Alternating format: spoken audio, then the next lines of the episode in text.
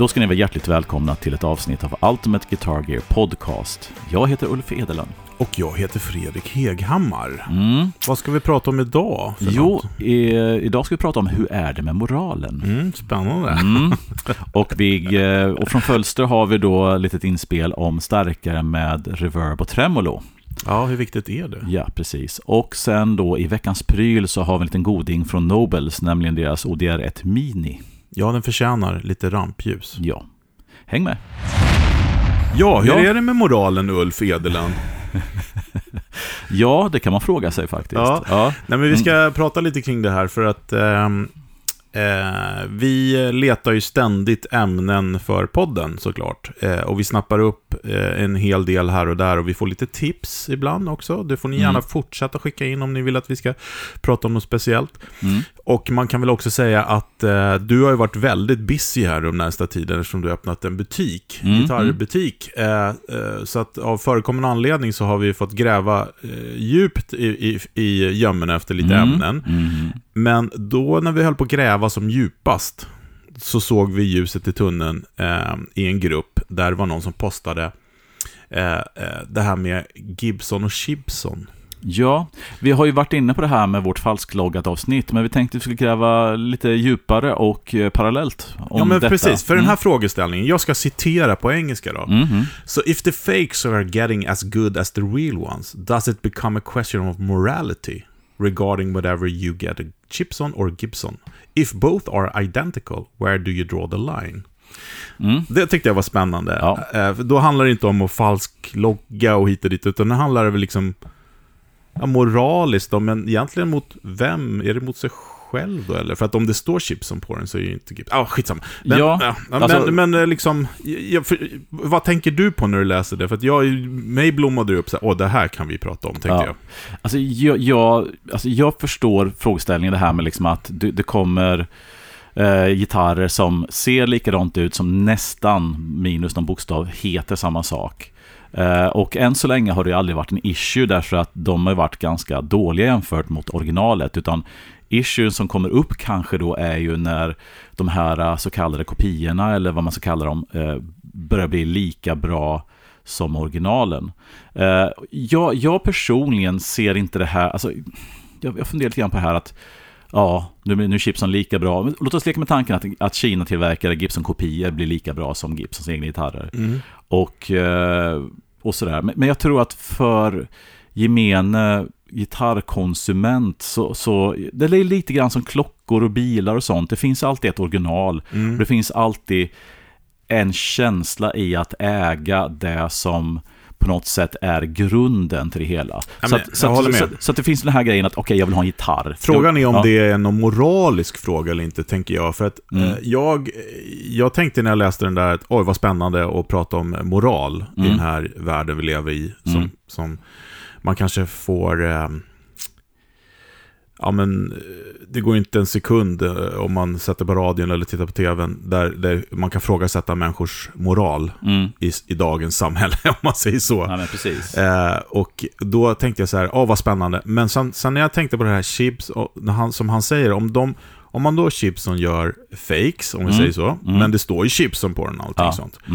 Ehm, och så har vi en Gibson, och då frågar jag så här, om de är lika bra, är, är det frågan om moral då? Men då tänker jag så här, eh, om vi byter bort chipson, Mm. och så tar vi in en, ehm, en ehm, Greco. Mm. Ser exakt likadant. Vi har en Greco och en Les Paul, Mm. standard båda två. Mm. Där Grecon i många fall redan nu är, överträffar kvaliteten och spelbarhet på många Gibson, ska vi kunna säga. Mm. Mm. Då är det ju väl ingen moralisk fråga egentligen, då är det väl mer en så här, eh, ja men vill jag ha originalet eller vill jag ha en, en, eh, en eh, inspirerad av originalet eh, kopia, om man får kalla det så, ett annat varumärke som faktiskt är bättre. Det är ingen moralisk fråga väl? Nej, alltså moralen tror jag kommer in när du gör, när du tar exakta kopior. När det står Gibson Ja, på. när det är falsklogga, När det är falskloggat Ja. och när det är liksom en, en fake Mm. av en, en grej. Då kommer det här moraliska in. Annars så, alltså det här med att du har då ett ikoniskt märke och en Mm. ikonisk modell.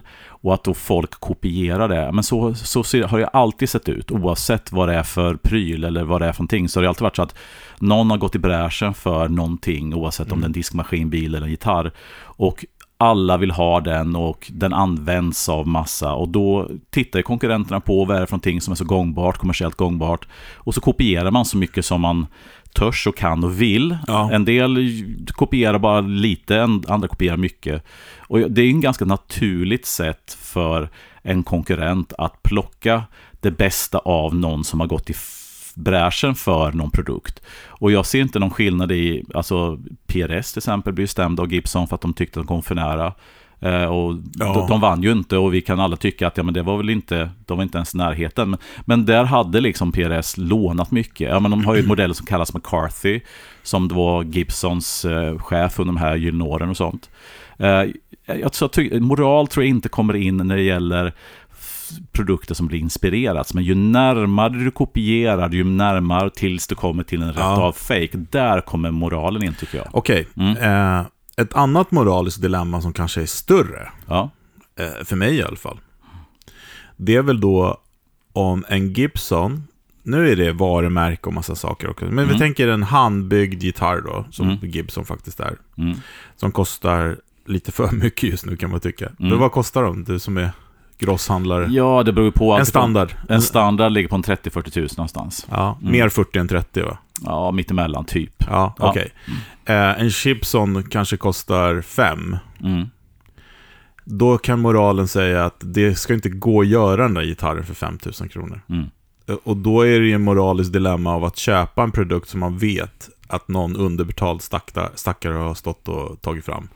Förstår du Ja, menar? Där är en moralisk fråga man kan ställa sig istället. ja och, och, den, och den är egentligen på sitt sätt intressantare därför att och, och, den, och då ska vi säga att gitarrerna är väl kanske den som en promille jämfört med billiga kläder, Ja, ja, ja, men billig nu håller vi oss inom ja, gitarrer men, ja, men precis. Ja, men, och, och det där är ju en etisk och moralisk eh, hänsynstagande som att det här, och det, alltså, när vi har haft den här liksom, produktionen från Asien i så många år, Mm, där vi har vant oss vid ett, ett kostnadsläge som är så lågt. mm. Eh, så att jag, ja, Ja, det, det, det, det är inte helt lätt att svara på. Men, men, men jag ser liksom, om, om jag svårt, jag har inte testat någon Chipson som för 50 spänn som har varit lika bra som en Nej, nej. så. nej. Så att, så att jag tror mer på att... Men jag, har jag har ju testat eh, flera Greccos som har varit bättre än Les Paul. ja, fast Greco är mycket dyrare, är de inte det? Jo, jo, ja. men ändå. Den, du kan ju få en Greco under 10 000. Ja. Kanske ja. inte ny då, men alltså Nej. en begagnad då, om vi Ja. säger så. Eh, och då om vi går, drar tillbaka till den tiden när de hade sin storhetstid, då var ju också det kanske billigare att tillverka i Asien. Nu är det ju för dyrt i Asien, så Mm. nu går man till andra länder. Ja. Men, men, men att, jag menar den här moraliska frågan huruvida du spelar på ett original eller inte, ligger väl kanske mer i hur, hur, hur tillverkas den, hur tas den fram? Vad är, och, och nästa moraliska dilemma är, vad, finns det vad är det för material i den? Ja, ja och, och, och priset är en sak och det här med att det har kanske en underbetald arbets, arbetskraft eh, kontra någon som är då fackligt ansluten i ett västerländskt land, USA till exempel. Då. Eh, jag tror att vi människor kanske borde fundera mer generellt sett, liksom, vad vi, hur vi konsumerar saker och ting. Och vi gör ju inte riktigt det för att vi konsumerar utan att egentligen tänka på det och vi har, ja, men just, nu är räntorna höga och det är inflation så att nu är det tufft Ja, liksom, nu får att, känna på att betala, på liksom, riktigt. ja, men att, att betala tre, fyra gånger mer för någonting för att det ska kännas moraliskt rätt är ju direkt i konkurrens till vad man har för plånbok. Liksom. Mm. Eh, men den frågeställningen är jätte, jätteintressant. Och, eh, och sen kommer det här med material också. att Är det så att det är mindre noggrant med eh, sourcing av trä och eh, CITES och allting sånt när de här kopiorna dyker upp kontra då de etablerade tillverkarna som har gör det by the book så att säga. Mm. Men jag har ju svårt att tänka mig att en, en, en Chipson för 5000 spänn har ens riktig mahogny i sig liksom. Eller är det något sånt substitut?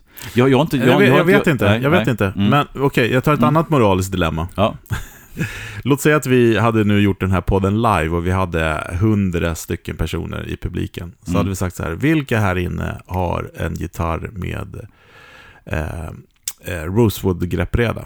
mm, Ja, men då kanske hälften eller 75% hade räckt upp handen. mm, Och så hade vi ställt frågan, hur många av de instrumenten är, är, är nyare än 1947? Ja, det hade troligtvis de flesta händer fortfarande varit uppe. Ja. Eh, och hur många av er som har då eh, de här gitarrerna har CITES-intyg till era gitarrer? Mm. Då hade händerna åkt ner. Ja. Det är en svår, eh, väldigt Mm. svår grej och jag tänker att moralen kan ju dyka upp ibland också och äv- alltså moral och lagligt kan ju gå hand i hand lite. Jag tänker man köper gitarrer som har omlackade serienummer borta och Mm. för handlare så är det ju no-no att köpa en gitarr som ska ha ett serienummer där serienumret är borta. Men Ja, det- för, det- jag ja, tror att... eh, Det är ett varningsflagg om inte annat. Ja, Liksom. och Mm. jag har nog köpt... Nej, det, jo, det har jag visst det. Jag köpte en gitarr en gång, som, men den var verifierad på annat sätt, för den var ju om... De hade haft ett neckjobb, så att säga. Mm. Mm. Men... Eh, ja, men det där är svårt ibland. Ja, men, men vi har ju om man säger moral, vi har ju liksom, vi har ju två stycken eh, förstärkarbrands som, eh, som eh, har hamnat i lite dubiösa sammanhang. Det skulle man kunna säga. Ja, och två, alltså två... Där ena är lite smutsigare än den andra. Ja, precis. Och igen, den ena kanske inte är jättesmutsig, men den andra är ganska smutsig. Eller, och det tycker vi kan diskutera lite grann. Och det här är då våra liksom, ur, ur butikförstärkarmärken och vi snackar naturligtvis om Dumble och Trainwreck. Ska vi börja med Trainwreck då? Där, Ja. där jag liksom vet lite mer om Ja, det. men precis. Så att säga. Ja, Nej, men Trainwreck eh, kan man ju köpa idag. mm, Man kan eh, köpa eh, Trainwreck och det då saluförs som att det görs av eh, dödsboet. mm, Eller med godkännande av dödsboet. Och det, Mm. så är det ju. mm. Det är inget fishy där alls. Han, han eh, JM, eller vad han heter, som han kallar sig. Ja, JM, JM ja, är Ja. en snubbe som bygger då med familjens, Blessing. ja, alltså, alltså legalt och allting sånt. Ja, ja, ja, ja absolut. Och jag gissar att de får en viss summa hit och dit. Mm. Eh, för att då bär- bära legacyt eh, vidare hit och dit. Och det är inget moraliskt dilemma alls med det egentligen. Mm. Det enda moraliska dilemmat är att jag pratade med Ken Fisher ja, men några veckor innan han dog. Mm. Och det där var någonting som han absolut inte ville. Man skulle kunna säga här, det är inte ett legalt dilemma, men det är ett moraliskt dilemma. Ja, det, för mig är det det. Ja. Jag, jag skulle ju aldrig köpa en sån. Nej, Nej men Ken Fisher, de, dels var ju det faktumen att, att, eh, att förstärkarna var tweakade och super, super noggrant byggda för att låta precis som Ken Fisher ville. Så att det innebär att hans öron och hans fingrar och hans person var en helt, alltså var en direkt förutsättning för att det skulle kunna bli en Trainwreck-förstärkare. Mm. Och, han, och det var väl så att han inte ville att... Ja, absolut. Ja, Nej, han ville Mm. inte och han, Mm. han sa det är ingen annan som kan heller. nej. Det är, det är bara larvigt. Och Ja. det, det har han ju rätt i. Eh, om, om någon annan bygger bättre, ja så må det vara, men det är ingen som kan bygga som han. Nej. Ja, det, blir, det kanske blir annorlunda, Ja, men, men det blir inte han så. ville verkligen inte det där. Mm. Vi pratade ganska mycket om det, för att han var ju dödssjuk. Liksom. Mm. Han visste att han skulle dö. Liksom. Mm, mm. Han ville inte det. Men ändå då, alltså det var, liket var nästan lite kallt innan de började liksom. Mm. Och det, det, det har jag problem med, men det var bara för att jag så, har ju så personlig relation med honom. Ja. Och tycker så här, "Äh, för fan liksom. Mm. Och det där ser man ganska ofta tycker jag, liksom att, att viljan hos någon som går bort, som har haft någon form av verksamhet och sånt, eh, ja men oavsett, ja men ni vet, jag vet inte om man ska, ja men Henriks familj som det finns olika fraktioner och hur man Ja. ger ut grejer och licensierar grejer hit och dit och, ja men du vet, och, och det är jättevanligt Mm. att någon artist eller någon, som i det här fallet då, en, en eh, designer, byggare, går bort och sen så är folk runt omkring honom som kanske inte varit involverade överhuvudtaget i det han har gjort innan. Helt plötsligt eh, Ja. kan sen lukta pengar. Mm. Men i det här fallet så var det ändå familjen som, som godkänner JMs tillverkning av... Ja, och folk ja. köper dem och folk säger att de har en trainwreck. Ja, det kan man ju säga att de har, men Mm. det har de ju verkligen inte. Nej, alltså, och det jag har hört är att folk säger att den låter jättebra. Ja, absolut. men, men, men så, än en gång, liksom, om det inte är Ken Fisher som har byggt den så är det inte en riktig... Nej. Och då skulle man kunna tänka med, Mm. ja men eh, Marshall, Jim Marshall dog ju, är det Marshall? Ja men det är liksom det är en annan skala på något sätt. Ja, och, och, och Det var där- inte Jim som byggde dem. Nej, och där har du nog, där har du nog grejen liksom att, att eh, Ken Fisher byggde alla Trainwrecks från början till slut, tweakade den in till perfekt, medan då Marshall Jim Marshall byggde aldrig en enda stärkare. Nej. Utan det var Ken Brand och sen så vidare och så vidare när den blev lite som en industri. Så det var ju mer ett namn och sen så var det många andra medarbetare som tog fram designer och sen så utvecklades de stärkarna. Mm.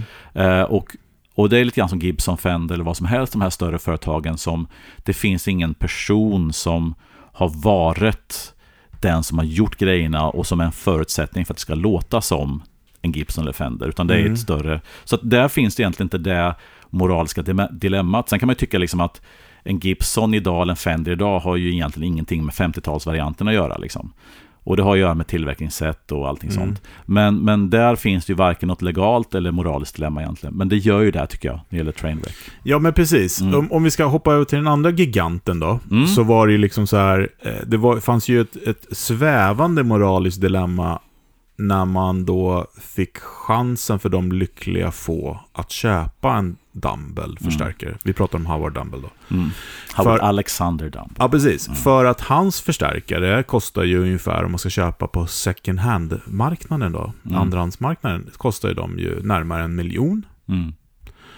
Eh, mellan en halv och en miljon, helt enkelt. Eh, men det kostar de ju inte att köpa av honom. Nej. Så då kan man tänka sig, om man nu var så lyckligt lottad att man blev eh, presenterad för honom, att man var ju tvungen att åka dit och spela för honom och hit och dit och sådär. Och det handlade inte om att han skulle godkänna på så sätt, utan för att han skulle kunna bygga en Mm. den perfekta ultimata förstärkaren till dig. Och han var, jag tror också han var petig med att få en personlig kontakt med de som köpte. Jag tror att han... 100 procent. Ja. Men han, det, han, det var ju det han levde för. Mm. Men då köper du en, eh, ja, för en fraktion av vad de var värda när du åkte därifrån med den. Mm. Det måste ju ha varit ett jobbigt eh, dilemma för några, tänker jag. Ja, för, för när han levde så hade han ju också ett kontrakt där han skrev att eh, ja, nu har du beställt en förstärkare. Om du, om du liksom ringer mig eller stöter på mig eller stör mig så har jag rätt att säga upp kontraktet. Ja. Och folk väntade ju år på det. Och Mm. ibland fick de en förstärkare och ibland fick de inte en förstärkare. Eh, och lyckades de under tiden som de väntade på förstärkaren göra sig osams med honom så blev det ingen förstärkare. Och det här var, Mm. det, här, det som du pratar om nu var ju då när han var liksom en vanlig. Ja, när han, när han levde. För på och- slutet ja, så var det ju bara rekommendationer, det var ju bara liksom stora artister. Ja. Alltså i början hade han väl kanske lite mera, alltså han gjorde mer och sen på han slutet. hade ju annons i Guitar World. Ja, men precis. Men, men så, så gick ju, här, inte så länge sedan gick då eh, Mr. Dumble bort. ja. Och han var ju någonting som, som i USA kallas sovereign citizen, vilket innebär att han levde off the grid när det gäller att finnas där med betala skatt och liksom hela att... Han gillade inte det jättemycket. Det gjorde Nej. inte Ken Fisher heller. De var Nej. ganska lika på så sätt. Precis, och jag vet inte ens om han hade ett bankkonto och sånt eller om han hela tiden var cash eller sånt. Han levde liksom, han var, han, och med det kommer att han inte hade registrerat något varunamn, han hade inte, alltså hela den här liksom administrationen runt företag och sånt var han utanför. Mm. Eh, och Mm. även då det nu så kallade dödsbot. Ja. De hade inte tänkt på det heller. Nej, Ingen nej. hade tänkt på det. Och vad hände då? Ja, Typ dagen efter han hade dött. ja och, och då var det ju en, ja, då var det liksom någon som helt enkelt registrerat Dumble Amplifiers eller hans namn. Eh, och eh, i och med att det inte var skyddat eller registrerat så kunde någon annan sno det. Ja. Och då var det ju våra kompisar inom citationstecken från, Mm. från Leeds, familjen Harrison, om Mm. jag förstått det hela rätt. Ja, jag har också förstått att det är Mm. det. Eh, vi låter det vara Mm. lite halvosagt, men, Ja, precis. men ganska sagt. Ja, eh, i alla fall så som, som har då äger namnet och som då eh, har börjat tillverka Dumble-produkter. Ja, det Mm. första som kom ut var ju att man kunde köpa dumbbell-pedaler på uh, Toman helt plötsligt. Mm, Och man bara, ja, vad hände här liksom? mm, mm. Och det var ju typ inte långt efter att han hade gått bort. Nej, nej, precis. Eh, och just de här herrarna har ju gjort lite sådana grejer förut med fussar och sådana saker också. Mm. De har det här British Electric Company eller vad det heter. Mm. Då, ni vet att vi har pratat, vi ska inte gå in för mycket på dem, men apropå det här med moral, så har ju de inte någon direkt högstående moral. De har gjort massvis med fula grejer och De har avtjänat sitt straff och sånt ska vi också säga. Ja, precis. De har ju blivit liksom lagförda och sånt. Men, men de fortsätter, vad jag har förstått, liksom, och fortsätta liksom på den här dubiösa... Ja, men det, det som har Mm. med konflikten nu då med det här med Dumble, det är ju att då de, eh, de dödsbot är så här, ja, liksom, Mm. Är på dem nu. Men de har inte mycket att hämta för att Nej. Ja, Det, men- de ja. har missat det helt enkelt. Ja. Eh, Och eh, det, nu är det de här, om vi tror att det är de då, vilket vi nästan är säkra på, som äger då varumärket Dumble helt Mm. enkelt. I Europa tror jag. Så kanske det är, ja. ja. Eh, om jag har fattat det rätt. Eh, och det medförde då att, jag kommer inte ihåg vilken, de har flera shoppar. Eh, men det var en av dem som hade då en blänkare ute nu att nu kan du beställa din eh, Dumble-förstärkare. Mm. Vi har blivit liksom eh, dealers då för Dumble-förstärkare. Man Mm. kan komma hit, man beställer den och Mm. så får den byggd. Mm. Eh, det är rätt spännande. Ja, precis. Och då är vi tillbaka till det vi sa förut. Om man, om man bortser från det här legala eller moraliska så var det så här att, att Dumble, det, det som förenade Dumble och Ken Fisher var ju att de gjorde allt själv och de tweakade stärkarna till, och i Dumbles fall, och jag tror kanske Ken Fisher också, till den gitarristen som köpte stärken. Så att alla var annorlunda, alla var gjorda till den som hade beställt det. Och, då, och det var därför som Dumble ville träffa gitarristen, höra hur den spelar, kanske till och med sitta med gitarristen. Och av den anledningen så är ju en Trainwreck-förstärkare och en Dumble-förstärkare det är ju inte en Dumble Trainwreck om inte de två herrarna har gjort dem allting. Det sagt, jag menar, Mm. om de här nu som gör det här har en eh, väldigt bra byggare. Vi har ju tr- träffat på byggare som är minst, minst lika duktiga, ska vi säga. Mm. Och, men det är inte de, så att säga. Nej. Men om det nu är så att man eh, får gå igenom samma process, att de utgår från eh, Dumble-schemat som det finns väldigt mycket av, är duktiga på att bygga, man kommer dit och man får samma treatment och Mm. får sin unika förstärkare byggd till sig, det är väl jättebra. Och det, och det är en laglig Dumble. Ja. Det är bara rätt liksom den... Den moraliska biten tycker jag är, det är den som är shady. Den Ja. legala finns på plats och de har rätt på pappret. Men jag kan ju tycka, för jag menar, alla de här som gör Dumble-kloner och som är svinduktiga, det finns ju jättemånga och inte minst här i Sverige. Och det är fair enough att du sätter ett annat namn på det, du gör en stärkare som är inspirerad av Dumbles design, du kanske tweakar den på ditt sätt. Mm. Alltså det, det har jag inget problem med. Då är man det här liksom som vi snackade om innan med att man, en PRS har tagit int, intryck av Gibson men Mm. gör sin grej av det hela. Ja. Tycker jag är helt fine legalt och även moraliskt. Men när du säljer en förstärkare mot dels grundarens idéer eller vilja och även då familjens Mm. vilja. Mm. Det är då, även om du har rätt legalt och du kan göra det i Europa, så är du på tunn is moraliskt tycker jag.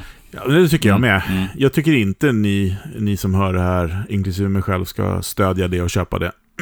det tycker jag inte. Då är det bättre att stödja någon av de här små skuttbyggarna som har vikt sitt liv åt eh, att eh, hedra och eh, eh, föra legacyt vidare. Ja, och blivit inspirerad av liksom. Nej, exakt. Och, och för att det känns, jag har inte hört någon av de här engelska dumblarna än. Jag, tror Eh. inte, jag tror inte att, alltså det här kom ut nu i veckan. Ja, precis. Och, jag, och det är så liksom att de här låter fantastiskt, underbart, så nära Dumble som någonsin någon har kommit. Då tror jag kanske att folk börjar, hmm, okej. Men om det är så att de bara är en front för att kunna sälja grejer i Ja. någons namn, Mm. så är det ju det är också intressant. Det här är också ett intressant dilemma för att gitarrister kan ju vara väldigt så här, hmm, om det bara är tillräckligt bra, ja men då kan jag kanske liksom sätta min moral vid Ja, sidan men om det, lite det, grann. det, är det, Ja, det, ska, det ja. det det handlar om Ja. det här lite grann. Och Mm. den där posten som, för att, exakt. Mm.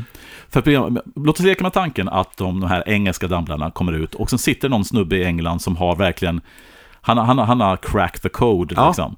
Och, och får ut Dumble-förstärkare som dels heter Dumble och som låter nästan, eller säg att det låter lika bra som många Dumblar. Då kommer ju folk, då är ju allt förlåtet på något sätt. Då kommer gitarristerna flockas runt i hela, ja, det här är nästan, det här är en riktig Dumble.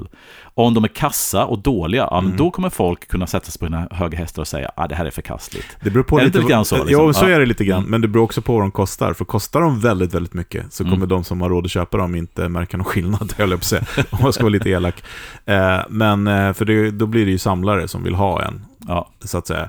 Eh, det är jätte, jätte... mm, men kan man, svårt. kan man säga att gitarrister är ganska stora kålsupare? Alltså, men jag menar, om man kollar mig till exempel, jag har ju två replika-gitarrer liksom, Ja. som jag älskar. Vi, vi har en replika här varje, varje avsnitt. Ja, men precis. Så att jag menar, då, då, och vi är ju i allra högsta grad tvivelaktiga med vår moral, för att vi kan tycka att vi sitter här och orerar över hur förkastligt det där och det där är. Mm. Och sen så har vi inte riktigt eh, rent, nej, nej, rent mjöl i påsen säger, hemma. säger Liksom. inte att jag är ingen ängel på så sätt. Nej, men alltså, det är, en- det är en intressant diskussion, liksom, för, Ja. att, för att är det så att det är tillräckligt bra och det fyller en funktion för mig så kan jag kanske liksom, eller jag hittar den här fantastiska gitarren med en Brazilian Rosewood till ett jättebra pris. Då helt plötsligt kanske jag liksom, ah, cites. Att förstå vad jag menar liksom, Ja. att, att man själv är lite shady ibland faktiskt. Jag vet inte om, ni som lyssnar känner igen det eller om vi bara har tvivelaktig moral, vi som sitter här, eller jag kanske ska säga det. Men, men, men det, det, det känns som att det är från tillfälle till tillfälle, från pryl till pryl lite grann.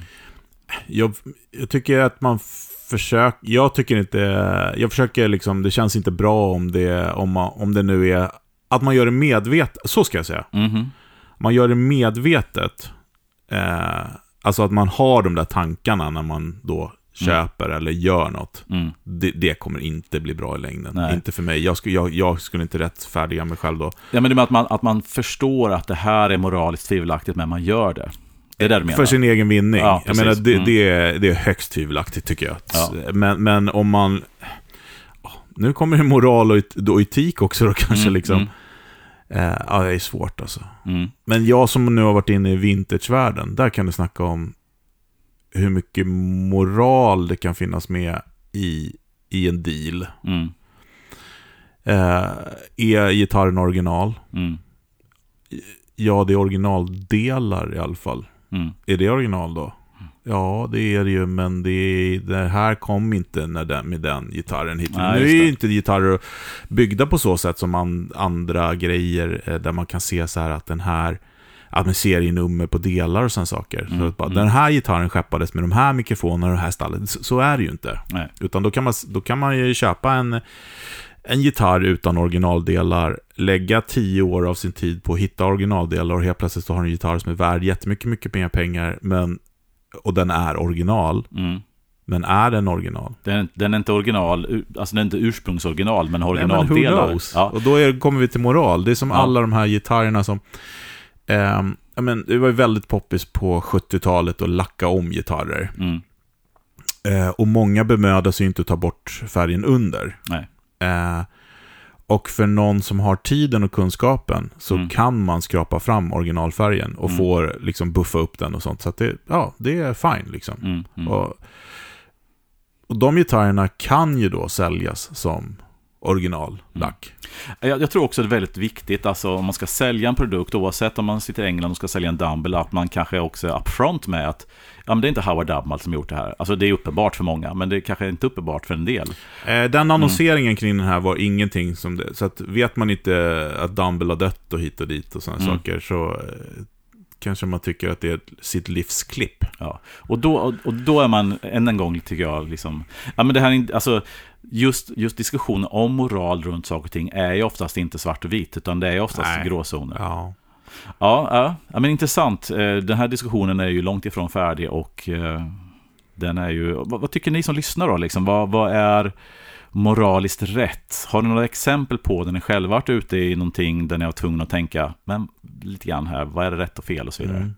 Det har varit intressant att höra. Och, och, och Mm. än en gång då, den här grundgrejen som triggade att vi skulle prata om det här nu var ju egentligen, tycker jag, i slutändan kanske inte en så, så moralisk fråga och huruvida man skulle spela på nå eh, Alltså en Gibson Mm, är ju ingen Gibson, för det Nej. står Gibson på den. ja, om den är lika bra som Gibson, då tycker inte jag det är en moralisk fråga vilken man ska spela på, utan då är det mer en etisk, eller på fråga, men etik. Eller vad, vad vill man förknippas med? Och mm. det är inte så moralisk fråga. Eller förstår, äh, förutom då arbetsvillkor och la la la la la la. Ja, men alltså och så, så länge du kan se att det inte är en Gibson, även om det bara är på C som skiljer dem hela, hela eller vad nu CH liksom, så är det ju trots allt okej. Visst, de har snott rätt av, men du, om du har koll så, så köper du inte en Gibson och tror att det är en Gibson.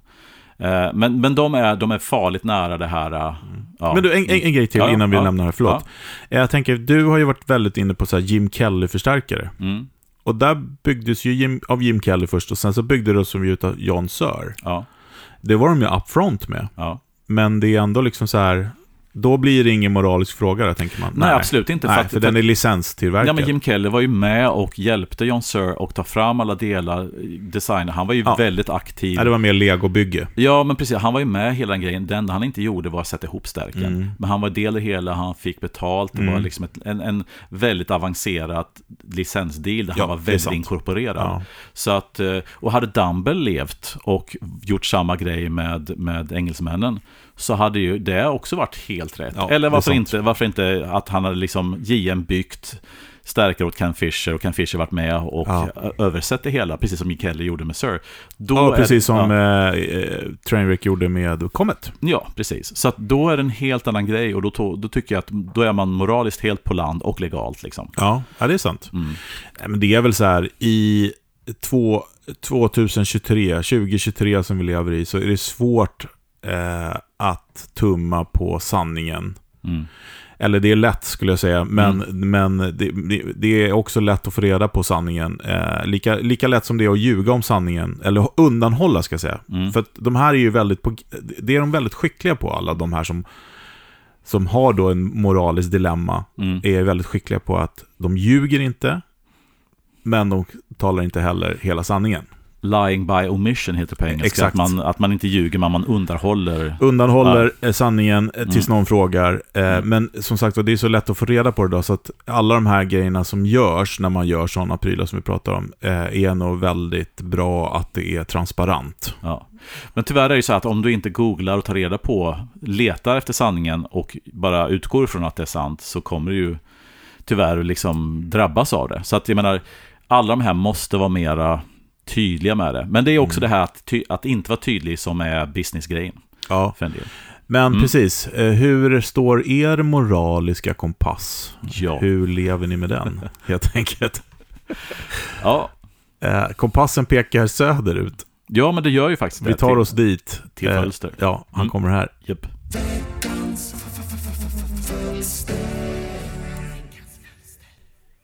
Sådär, då kör vi veckans fölster. Lite hes den här veckan i sådana tider. Ehm, jag har tänkt lite kring de effekterna som ibland kommer inbyggt i förstärkare. Och just idag tänker jag inte på fassarna som satt i vissa voxstärkare eller koruset i Rolands klassiska kombos. Istället tänker jag främst på reverb, men också såklart tremolo. De två effekterna som blivit så intimt förknippade med många förstärkare från 50 och 60-talet. Och om vi ska bena ut det lite. Eh, tremolo brukar benämnas som den första elektriska gitarreffekten, med exempel så tidigt som sent 40-tal. Det som på pappret låter som världens tråkigaste effekt, mod, eh, modulerande, eller vad ska man säga, modulation av volym, volym som går upp och ner, är i verkligheten en så otroligt kraftfull och stämningsfull effekt. Hur man skapar effekten skiljer sig lite genom åren, och så även soundet. De tidigare kretsarna modellerade ofta biaspänningen på rören, slutrör eller fasvändare, och skapade då ett mjukare och mer musikaliskt tremolo. Säger man tremolo eller tremolo? Ja, det får man väl göra som man vill. Jag märker att det lät konstigt nu.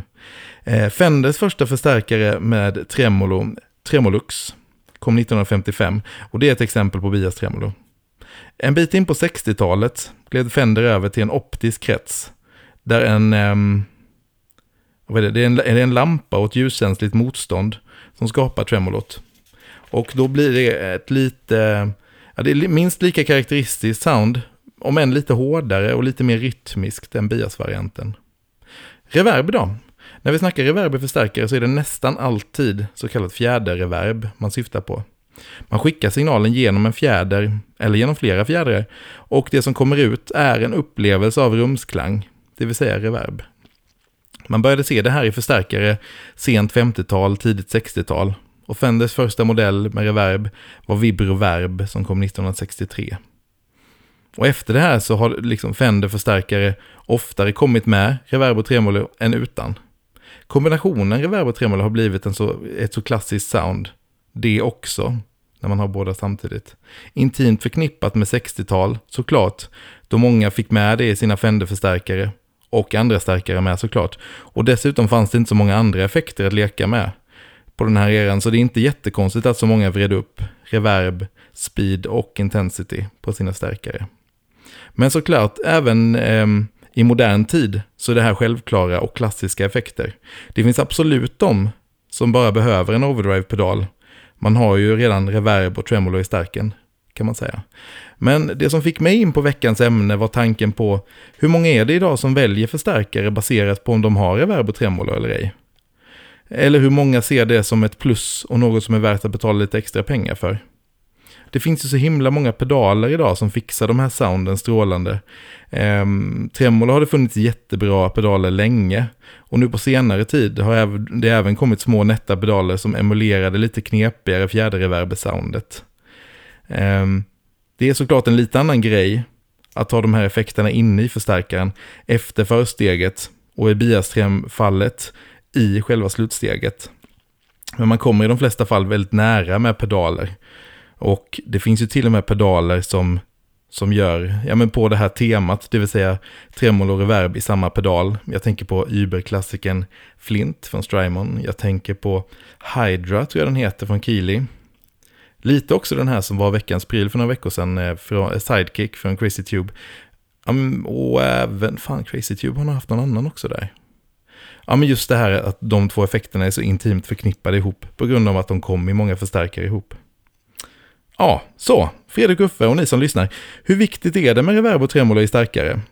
Är det en selling point? Det är klart inget som liksom man förväntar sig i, sig en Marshall-topp. Men är lite cleanare, ofta kombos, så det är väl mer där frågan är relevant. Är det någonting man efterfrågar? Och blir man, är det någonting som drar i när man ser att det finns en starkare eller är det bara en bonus som man ibland får och ibland inte får? Och så är det vad det är. Ja, vi kan väl diskutera det här på sociala medier. Ni vet ju var vi finns. Facebook, Instagram, Podbean och YouTube. Så hörs vi även nästa vecka. Ha det gott på er. Hej! Ja, ja hur, hur ja. tänker du här? Ja, det är en bra fråga faktiskt. Alltså jag, jag älskar ju eh, framförallt gamla Fendrar, Rolex Blackface Fendrar och jag, jag, jag, vill ju gärna ha reverb och tremolot. I du använder ju aldrig reverb. Nej, men, alltså, men, men, men ska jag köpa en deluxe, Vibrolux eller Twin eller någonting sånt så får jag ju med det.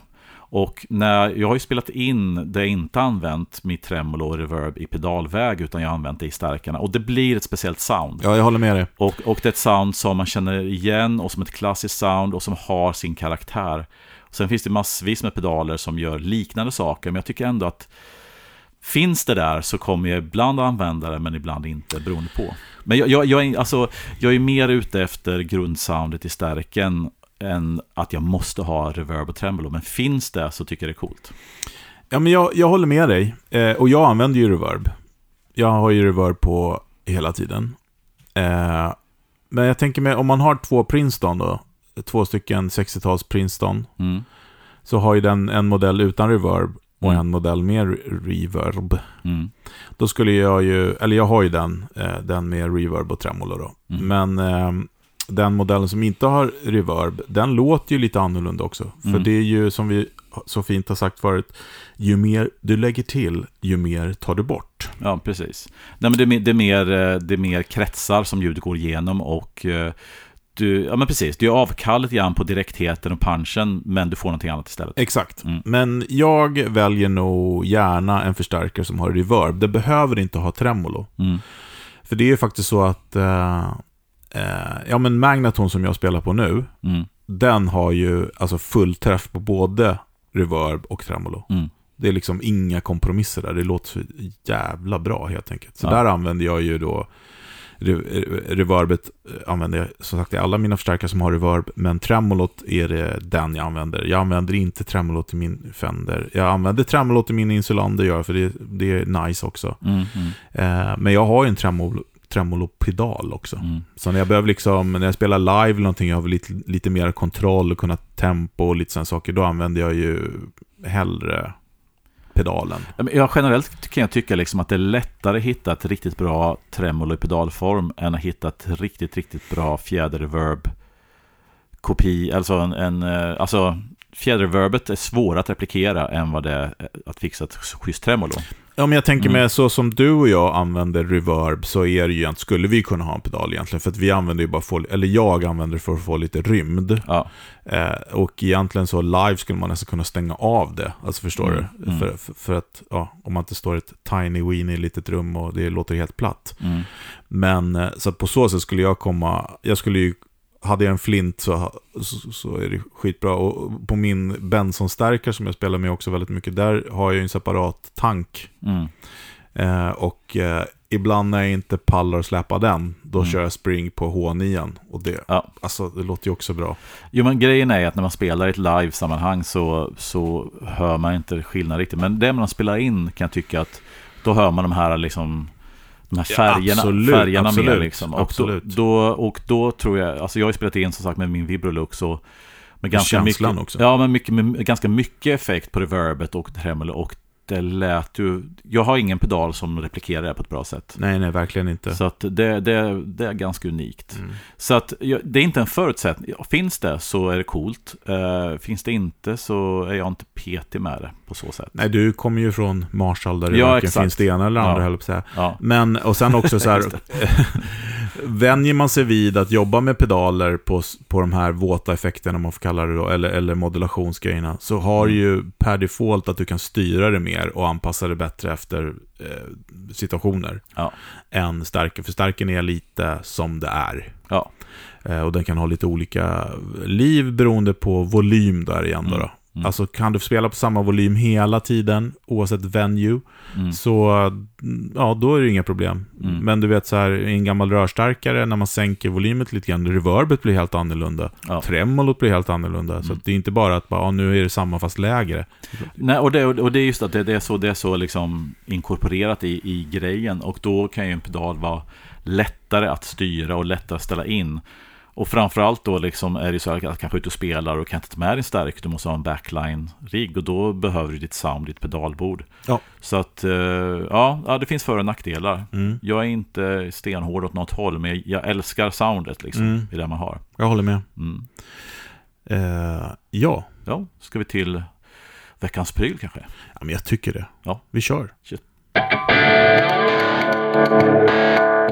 Veckans pryl. Ja, veckans pryl är ju en eh, liten favorit.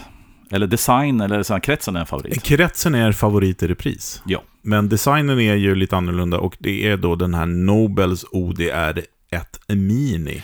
Just det. För, Nej, vad- den heter bara ODR Mini. Förlåt. ODR heter den bara, okej. ODR Mini. Ja, Jag tror som- det var ODR 1 Mini. Ja, som är ju helt enkelt den klassiska Nobels ODR1-kretsen i lite mindre pedal. Ja, och det här är så himla roligt för att eh, jag eh, har ju saknat den flavern lite grann. Mm.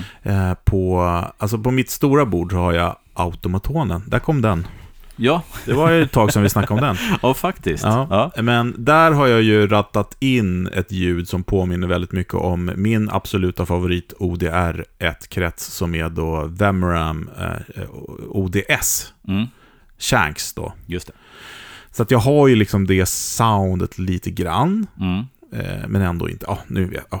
Men i det här lilla bordet när jag satt upp det så kör jag ju Benson Preamp då, som är då automatonens eh, grundpedal. Mm. Men, men den saknar ju liksom den här mid-filter och sånt grej som är så himla fint tycker jag, mid i eh, ODR-kretsen. Mm. Håller du med om det? Ja, Just absolut. midden där, hur den ligger och Yes. kompressioner och sånt. Lågmidden och allt. Ja, Ja, precis. men så Mm. kände jag att du skulle vilja ha någon sån pedal på det här lillbordet då. Och hade inte så mycket plats. Så dök det upp en sån här mini som Mm. jag köpte bägget. Eh, och det var också roligt, för jag gick ut och kollade lite omkring den. Och då finns det en video när, när då eh, han som ansvarar över att den här produkten är så poppig som den är, Tom Bukovac. Just det. Han har ju verkligen missionerat om den här kretsen. Liksom. Verkligen. Ja. Hela Nashville är ju eh, grön på grund av honom lite grann. Mm. Mm. Men då är han på en, en pedalaffär i Nashville. Mm. Och de jämför blindtest, eller för honom. Han Mm. sitter med ryggen emot eh, och han får jämföra då olika pedaler. Mm.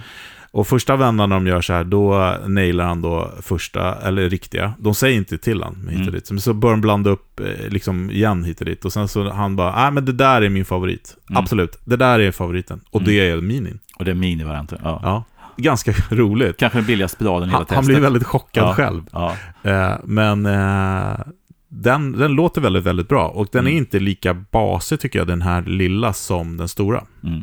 den, den stora har ju switchen också. Precis.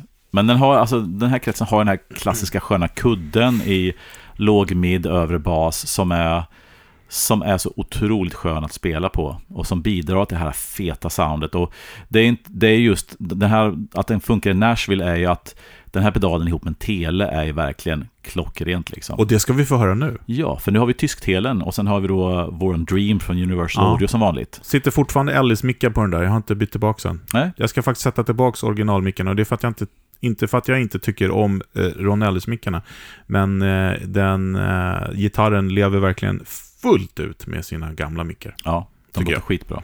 Eh, Okej, hur Vad- låter den rent då? Yes. Nu har vi ett litet, eh, sån där ja, nu åker den bort, kabeln. hörlurskabeln som Mm. alltid är ett problem. Det här är alltså tysktelen rätt in i eh, Dreamen då. Ja, Ja, och då har jag ställt in den här med Unity-volym och eh, försökt i alla fall, och driven rakt upp och spektrum rakt upp. mm. Och vad är spektrum för? Spectrum är en liten eh, specialkontroll faktiskt. Den fungerar så att när du höjer den så höjer du eh, du höjer diskanten men du höjer... Nej, du ska tänka efter. Det är, både med, det är alla frekvenser samtidigt Ja, på det- något sätt. Exakt. Vi, ska, vi, vi Mm. kan testa den helt Ja. enkelt sen. Det, den, den, den jobbar både i midden och diskanten. Exakt. Mm. Eh, men nu är den rakt upp då. Den har till Japp. och med ett litet sånt... Den snärtar in där. Ett litet hack. Ja, precis. Okej, då eh, rent igen då. Nu kommer den.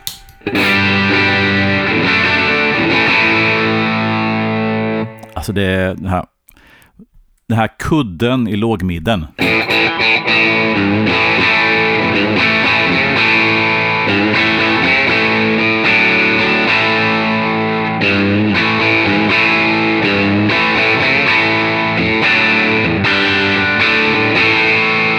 Ja, lite single string då. Får höra, eller liksom lite...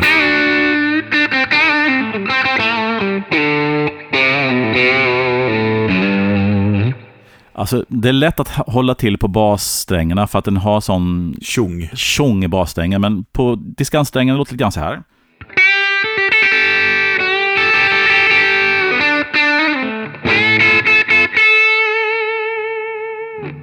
Mm. Eh, och vi kör spektrum nu. Nu är det fullt, eh, eller klockan 12. Om Ja. jag drar av den helt, Mm. då får du för mycket kuddar i sängen. Ja, då blir det liksom mindre diskant och lite mer bas va? Ja, så nu är det fullt åt det hållet. Så är fullt åt andra hållet. Mm. Mm. Eller hur? Mer diskant och eh, Mer- mer mid. Låter det som. Precis. Eh, om jag drar då, sätter tillbaka den lite grann då, då, så nu står den på klockan tre. Mm. Ja, men det gillar jag. Ja, det öppnar upp lite mer. Det öppnar upp lite grann. Vad Precis. säger du om att dra ner lite gain? Mm, gör. Jag kör ner till eh, 11. Mm. Ja, snyggt. Och stäng av den en gång för att höra liksom... Och sen igång. Här gillar jag. Ja, det där är underbart. Och det är ett... Visst, man får lite mer botten känns det som, men det är också ett väldigt, väldigt neutralt ljud. Man slår, på den så är det inte som att man upplever att det blir en helt annan EQ, utan... Vi ska Mm. testa en, en, grej bara lite snabbt. Mm. Jag sätter på Benson. Mm. Så här låter den då. Mm. Och så trycker jag i Nobels också.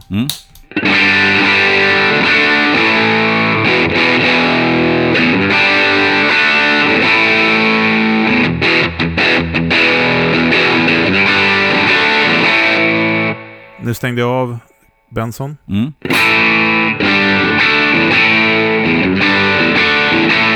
Stackar väldigt bra. Ja, och, och eh, det är någonting som den här pedalen gör, framförallt ihop med en single Gura, som gör att den bara känns... Ja, Jag, jag, alltså, jag är ju såld på den här kretsen och jag förstår varför sådana som Tim Pierce och Bukovac och de här är också där. För att vill du bara få lite mer av allt och det fortfarande låter väldigt naturligt och väldigt förstärkaraktigt så är den här pedalen fruktansvärt bra. Alltså. Ska vi testa gainen då? Om jag Mm. tar gainen klockan tre också. Nu blir det ganska mycket gain. Mm.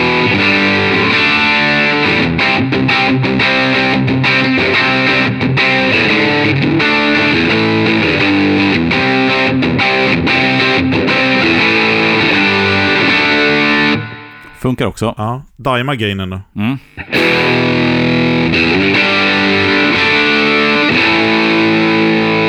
Låter bra, men den blir lite nästan för Ja, komprimerad jag gillar ju där. där vid 11 där någonstans. Ja, Jag kan tänka mig att upp till 12, 1. Mm. Testa, testa ett en gång. Ja, och sen kan man sänka på lite grann på gitarren ner till typ 8. Ja,